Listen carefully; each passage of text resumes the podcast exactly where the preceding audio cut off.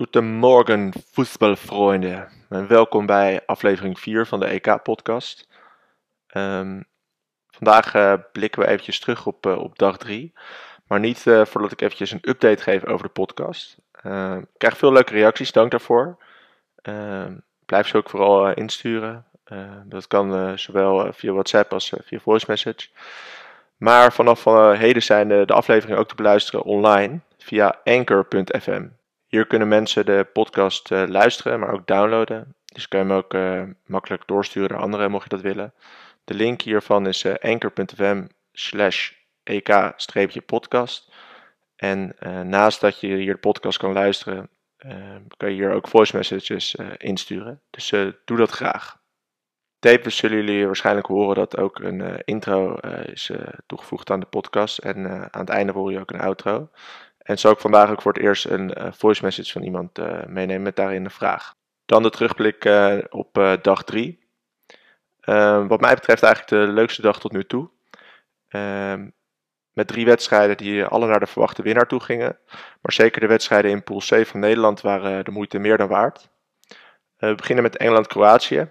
Engeland begon best wel aardig, maar daarna zakte de wedstrijd toch een beetje in. In de eerste helft waren de kansen vooral voor Engeland. Uh, Kroatië deed eigenlijk vrij weinig. En in de tweede helft um, ja, scoorde Engeland ook een prima goal via uh, Sterling. Uh, mede door een goede actie van um, Phillips. en Sterling die zijn eerste goal maakte op het eindronde voor Engeland. Eigenlijk een matige wedstrijd, maar Engeland pakte wel daardoor drie belangrijke punten. tweede wedstrijd van de dag was Oostenrijk-Noord-Macedonië. Leuke eerste helft. Um, met daarin een prima goal uh, van Oostenrijk van Leiner. Na een uh, lekkere voorzet uh, van Marcel Sabitzer. Vervolgens scoorde sluwe volscoren Pandev. En zorgde voor een primeur door de eerste goal van Noord-Macedonië op een eindronde te scoren. Tweede helft was Oostenrijk wel beter. En pakte uiteindelijk de verdiende overwinning via Gregoric en Badboy Arnautovic. Oostenrijk pakte voor het eerst daardoor drie punten op een EK. Dus ook een primeur daar. En verder opvallend vond ik dat uh, alle goals van Oostenrijk uh, vielen via de linkerflank. Uh, ja, scherpte dus vereist bij Dumfries, Timber en uh, de Roon aangezien zij aan die kant staan. Dan de laatste wedstrijd gisteravond, toch het toetje waar denk ik iedereen het meest naar uitkeek. Nederland-Oekraïne. Nou, het begon eigenlijk al voor de wedstrijd. van Aanholt verrassend in de basis voor Wijndal. Uh, Wijndal kreeg eigenlijk altijd de voorkeur van de boer, maar uh, ineens was daar toch uh, Patrick van Aanholt. Dan de wedstrijd zelf. de eerste helft kreeg Nederland een karrevracht aan, aan kansen. Zeker Dumfries had er echt wel twee kunnen maken. Denzel werd geen strobreed in de weg gelegd in de eerste helft door Oekraïne. Verder vond ik Oekraïne eigenlijk heel matig gisteren de eerste helft. en maakte de, de verwachtingen totaal niet waar. Uh, Nederland scoorde dan gelukkig wel in de tweede helft. Dan eigenlijk twee goede goals. Uh, via de rechterflank uh, ja, liep eigenlijk alles. Um, een mooie goal van, van Wijnaldum, die lekker binnenschoot. En Wout Wappie Weghorst scoorde ook zijn, zijn eerste goal voor, voor Nederland op een eindronde. vervolgens neemt Nederland wat gas terug en wisselt een emotionele blind en Van Arnold voor AK en Wijndal. Hierna valt Nederland terug en vallen er eigenlijk twee goede goals uh, van Oekraïne via Jarmolenko en Jaremchuk. Ik vond dat uh, Nederland uh, ja, defensief kwetsbaar oogde en gaf ja, toch wel een vrij riante 2-0 voorsprong weg. Met dezelfde scheidsrechter als bij Ajax Tottenham in 2019 schoot bij mij ook direct het ja, Lucas Moura scenario naar boven. Gelukkig was daar redder in nood uh, Denzel Dumfries, die zijn uh, eerste interlandgoal voor Nederland maakte met een fraaie kopgoal. Nederland begint het EK dus met drie punten en het uh, door mij geroemde Oekraïne druipt af. wat mij betreft de leukste wedstrijd van het toernooi tot nu toe. Ik denk ehm, dat Nederland lekker gestart is, drie punten altijd welkom.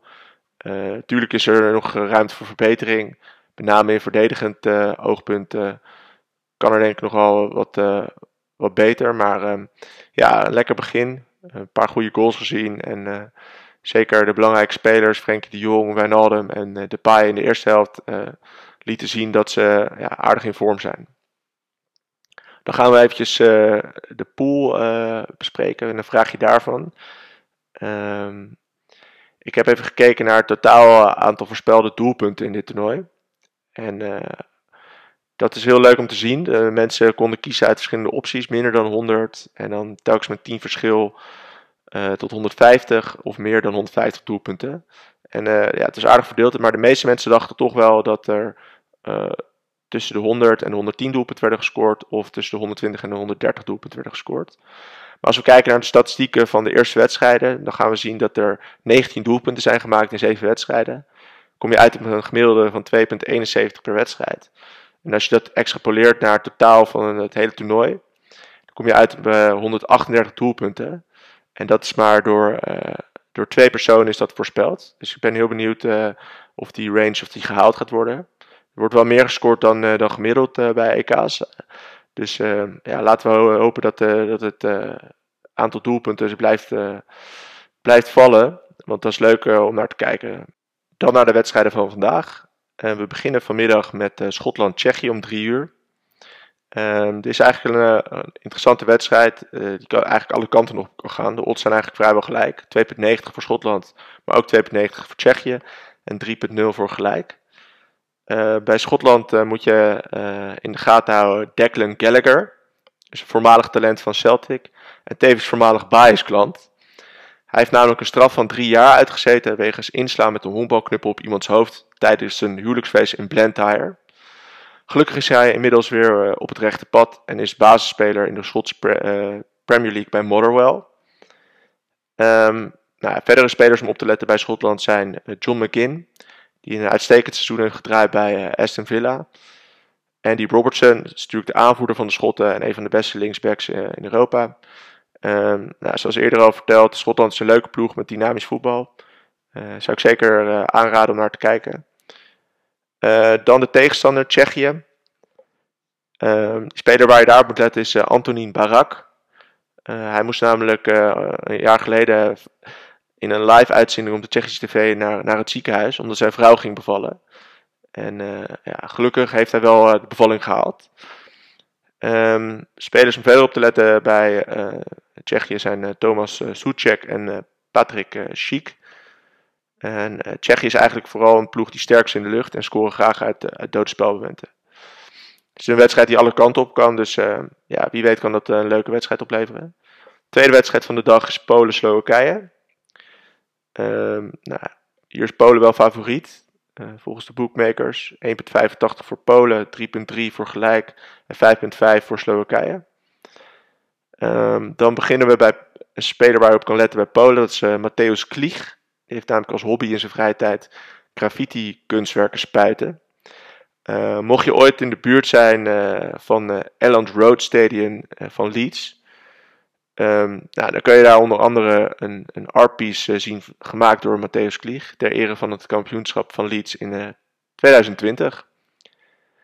Um, ehm, daarnaast heeft Polen natuurlijk de beste voetballer van dit moment in zijn gelederen, namelijk Robert Lewandowski.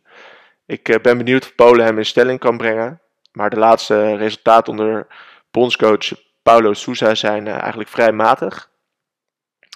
Gaan we naar de tegenstander, Slowakije. Slowakije is natuurlijk het team van sterspeler uh, Marek Hamsik. En heeft met uh, Thomas Soeslof en Robert Bozenik als talenten van uh, Groningen en Feyenoord een, een Nederlands tintje. Verder voor mij niet een heel bekend elftal en verwacht ik ook eigenlijk persoonlijk weinig van. Polen is favoriet, dus ja, ik verwacht wel een overwinning voor Polen. Dan de derde wedstrijd, Spanje-Zweden. Die begint om 9 uur. Ehm, ja, Spanje wel echt duidelijk in het voordeel volgens de bookmakers. 1,40 voor een winst van Spanje. 4,8 voor een gelijkspel en 10,0 voor Zweden. Um, nou, bij Spanje stromen eigenlijk continu nieuwe toptalenten door. Dus telkens als je denkt van nou ja, het houdt een keer op, komen er weer nieuwe jongens bij. Achterin uh, Pau Torres en Eric Garcia. Op het middenveld weer nieuw bloed met Dani Olmo en Pedri. En voorin zijn doorgestroomd Ferran Torres en Mikael Oyarzabal. Um, helaas is Spanje wel een beetje getroffen door een corona-uitbraak. En hadden ze voor de zekerheid een schaduwelftal meegenomen die de oefeninterlands speelde met voornamelijk jeugdspelers. Uh, speler om, te, om op te letten bij Spanje is uh, Marcos Llorente, uh, middenvelder van Atletico Madrid. Komt uit een echt voetbalgezin. Heeft als bijnaam de kleine salade, aangezien zijn vader de originele bijnaam de salade bezit. Um, is verder druk bezig met zijn gezondheid en slaapt op een bed van 35.000 euro, gemaakt van alleen organisch materiaal. Uh, dit zou tevens volgens wetenschappelijk onderzoek het immuunsysteem uh, moeten verbeteren en zou ook je biologische leeftijd met gemiddeld 15 jaar verlagen. Nou, ik hoop vooral dat uh, Marcos er lekker op kan slapen. Dan de tegenstander van Zweden. De tegenstander van vandaag Zweden bedoel ik. dit toernooi zou namelijk de return of the GOAT Slatan worden.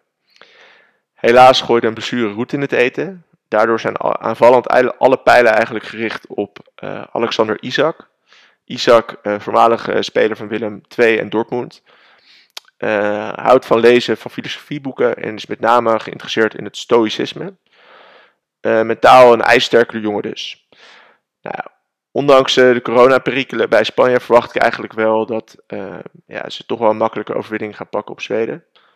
Uh, zoveel talent en ja, toch wel een beetje een outsider voor de titel. Dan gaan we door naar een vraag van een luisteraar. En de vraag die ik heb binnengekregen is van Erik Meddega. En daar gaan we even naar luisteren nu. Hey Diet, allereerst mooie podcast man, lekker bezig. Ik had een vraagje over de opstellingen van verschillende landen. in Nederland is er natuurlijk heel veel discussie over opstelling van de boer heel erg verdedigend. Dat is eigenlijk totaal niet wat wij willen van Oranje. We zien natuurlijk graag de aanval. Um, maar stiekem vind ik het ook wel een beetje ballen van de boer dat hij een opstelling kiest die eigenlijk tegen alles ingaat dat, dat wij willen. En ik was wel benieuwd, hoe zit het nou met andere landen? focussen die zich ook allemaal op de verdediging of juist heel erg op de aanval? Zijn er hele uitzonderlijke keuzes die worden gemaakt door landen.